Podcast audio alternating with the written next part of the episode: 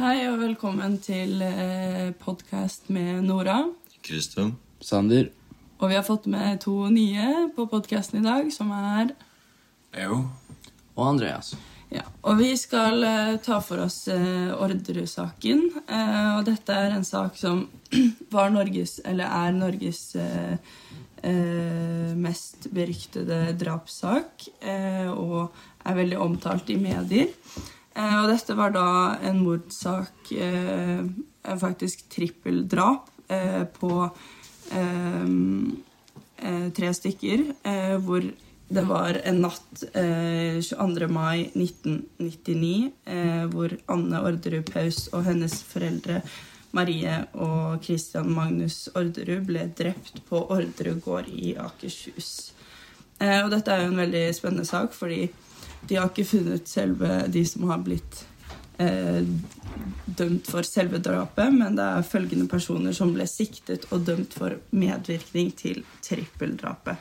Og dette var da Per Christian Orderud eh, og eh, Veronica Orderud og Kristin Kirkemo og Lars eh, Grønnerud. Og Per Christian Orderud var da eh, Christian og Maries sønn og Annes bror. Eh, og Veronica var da Per sin eh, daværende kone, mens Kristin Kirkemo var Veronicas søster, og da Lars var Kristins tidligere kjæreste. Og det er ikke kjent hvem som da faktisk har utført disse drapene. Eh, så de har jo ikke Noen har jo ikke blitt dømt for det, men eh, disse fire personene som har blitt eh, med, har medvirkning i trippeldrapet, har da blitt dømt eh, til noen års fengsel. Da. Så Per og Veronica fikk da 21 års fengselsstraff, mens Kristin fikk eh, 16, og Lars fikk 18 år fengselsstraff. Og så har vi jo litt om eh, selve mordet, eh, hvordan de ble drept. Andreas, har du noe å tilføye der? Eh, jeg har jo det at eh, de hadde jo en, et ganske så eh, stort mordvåpen. Der, eh, der de brukte det veldig mye som eh, bevis på hele saken. Eh, det er en revolver som Som er en gammel USA-politipistol. Eller politirevolver, blir det vel. Ehm, og den har blitt tilknytta noe som eh, Noe som ble snakka om eh, under eh, Retten. Ja, Den de, den ble snakka om eh, Eller under avhør så ble det fortalt om en eh, revolver som ble prøveskutt eh, litt utfor, og eh, den hadde veldig mye tilknytning til det mordvåpenet. Og de var veldig like. Ja. Og det var jo sånn at eh, eh, det var Kristin Kirkemo som eh, faktisk hadde levert eh, våpenet til da Per og Veronica eh, under et juleselskap eh, samme året som trippeldrapet skjedde. Og da hadde hennes forklaring blitt tillagt mye vekt på av både politiet og i retten. Og dette var da en viktig årsak til at da eh, søsteren og svogeren ble dratt inn i saken og senere dømt, da. Eh, men alibiet til Kristin Kirkemo, eh, så forklarte hun i avhøret at hun var da ute og kjørte aviser sammen med en daværende 18 år gammel kamerat. Eh, og ifølge hennes forklaring viste kameraten eh, hvordan man kunne da sende SMS til en vitsetelefon og deretter da få tilsendt vitser tilbake. Og mobilutskrifter og koblinger til eh, Dette da viste at det var Kirkemos mobil som hadde eh, vært eh, med på den aktuelle avisruten denne natten. Eh, og at det ble sendt meldinger til den eh, vitsetelefonen, da.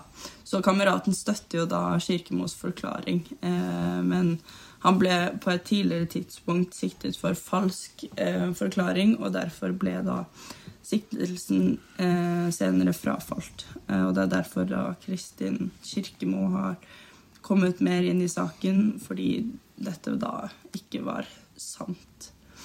Kristian, har du da noe mer om disse personene som da ble dømt for medvirkning av trippeldrapet? Mm, det er jo til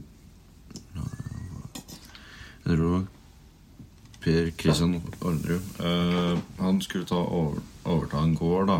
Uh, det var jo litt sånn motivasjonen kanskje til dette drapet.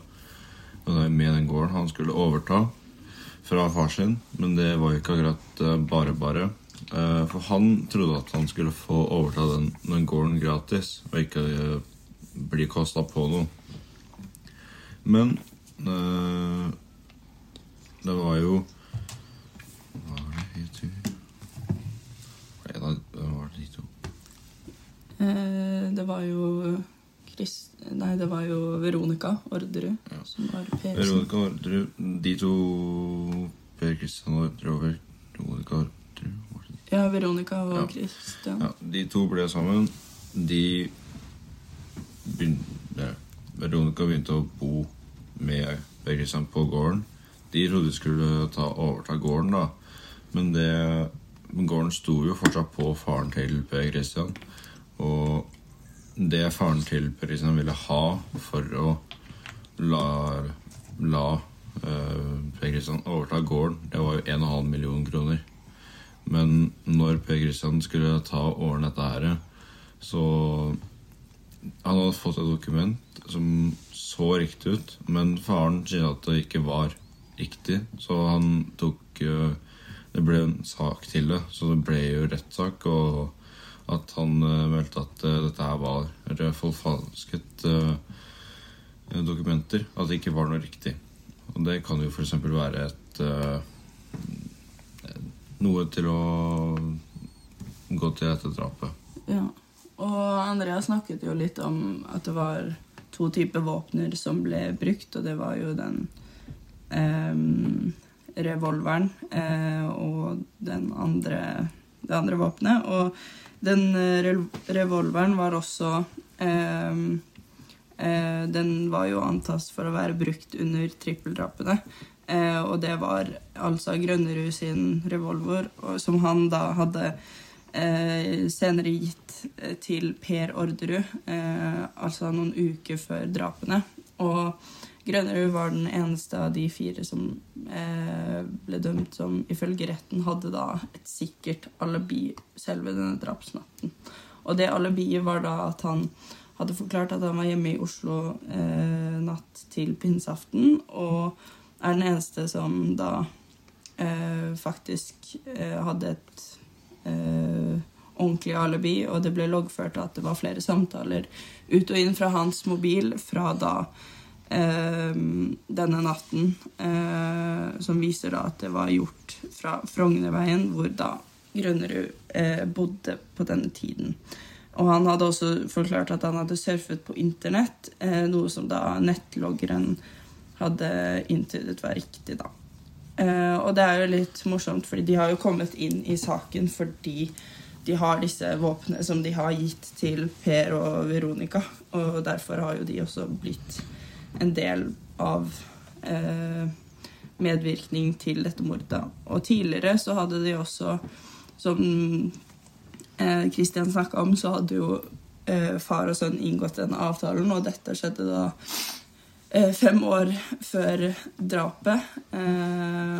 Eh, så det har jo vært mye uenigheter om altså, å arve denne gården. Eh, og det er jo derfor på en måte de har et motiv til eh, å gjøre dette drapet da, på sine foreldre og sin søster. Eh, og det har også vært tidligere eh, drapsforsøk eh, hvor det har, da vært Det er funnet en dynamittladning eh, under bilen til Per sin søster Anne Oppegård Paust, som da bodde i Oslo sammen med sin mann Per Paust. Eh, og da var det en bombe under Anne sin bil, og da tyder det på at dette kunne også vært et type drapsforsøk. Men ingen ble siktet for det fordi de ikke fant noe eh, bevis og kunne ikke da sikte noen for det. Og det har også vært i året før selve trippeldrapet, i 1998, så var det også et gassangrep mot ekteparet Paust, eh, hvor da Per Paust våkner av bensinlukt om morgenen eh, i oppgangen til leiligheten eh, til paret, så er det plassert en gassbeholder med en bensinlunte nedover eh, trappen og ut i gaten. da. Og det er gjort forsøk på å tenne på lunten uten hell, eh, og saken er etterforsket eh, som et forsøk på mordbrann. Men den ble jo heller ikke oppklart, da. Eh, så det har jo på en måte vært tidligere spor av at ok, det er noen som ønsker Anne og eventuelt da hennes ektemann død, da. Så de senere, i 1998, så da flyttet de til en hemmelig adresse, eh, hvor de da fikk eh, politibeskyttelse. Og de flyttet da til eh, eh, denne hemmelige adressen før de da reiser til New York i noen måneder. Uh, og når de kommer hjem, så blir siktelsestiltakene fjernet. Så det er sånn det fikk. Og så var det jo noe mer du hadde å si, Andreas. Ja, det er jo om eh, nå i det, det så ut som det var 2023 det sto, faktisk. Eh, og da er det jo kommet et nytt DNA-bevis. Eh, og det er jo eh, på en av de teipbitene på den der dynamitten under bilen. Eh, så var det funnet DNA av Kristin Kirkemo. Eh, og det er jo Det følger jo det politiet og alle dem egentlig har klart å komme fram til, om at hun har eh, en sterk tilknytning på den fronten der. Og ja, det Det kan jo hende at det blir tatt opp på nytt. Og eh, altså at hele saken blir tatt opp på nytt med den teipbiten, da. Sitter jeg nå. Og så er det jo litt eh, Fordi de har jo fått et annet spor også, hvor det var 180-samtalen, hvor da en mann ringer til nummeropplysningen 180. Eh, og ifølge operatøren skal han ha spurt om nummeret til Anne Opperud eh, Paust og sagt at han skal drepe henne og foreldrene hennes i pinsen. Eh, og politiet bruker da store mengder ressurser på å prøve å finne ut hvem som da hadde ringt, men eh, de klarer ikke å finne, finne noe spor til dette. Så er det jo da selve drapsnatten, eh, hvor da Det er jo pinse, og Anne overnatter da hos foreldrene, og så er det jo På natta så er det noen som bryter seg inn i kårboligen og dreper alle tre. Eh, og da blir det jo Søndagen så blir de funnet av Kristians bror Hans eh, Orderud. Eh, og Per og Veronica sier at de sover i hovedhuset på gården. Og Kristin sier at hun kjørte aviser på denne natten. da. Og mens Lars Grønnerød sier at han var hjemme i leiligheten i Oslo. Og at det var derfor de ikke hadde noe med denne saken å gjøre. Ja. Kristian, hadde du da noe? Eh, ikke akkurat noe nå. Nei? Leo? Nei. Eh, Sander? Nei. Andreas? Nei, jeg vet ikke helt hvor godt det kom fram, men eh, det var nå i hvert fall eh, Han er eh, Hva heter han med pistolen? Det Hva er navnet var, hans? det var Lars Grønnerud. Ja, Lars Grønnerud.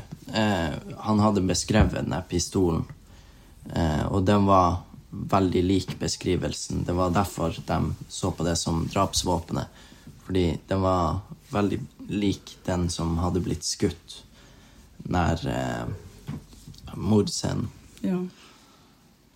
Ja, for det ble jo også funnet noen spor. Eh, blant annet en Det ble funnet barnålsknåler eller et eller annet sånt, eh, som de da prøvde å finne DNA på, som på en måte eh, viser at det var eh, de fire som hadde vært ute i skogen, fordi de kommer jo fra skogen.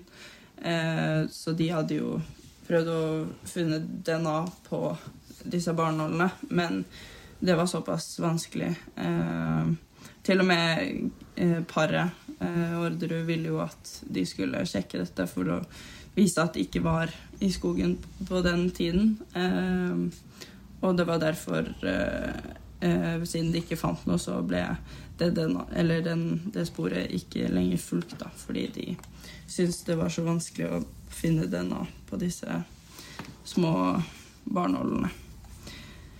Ja.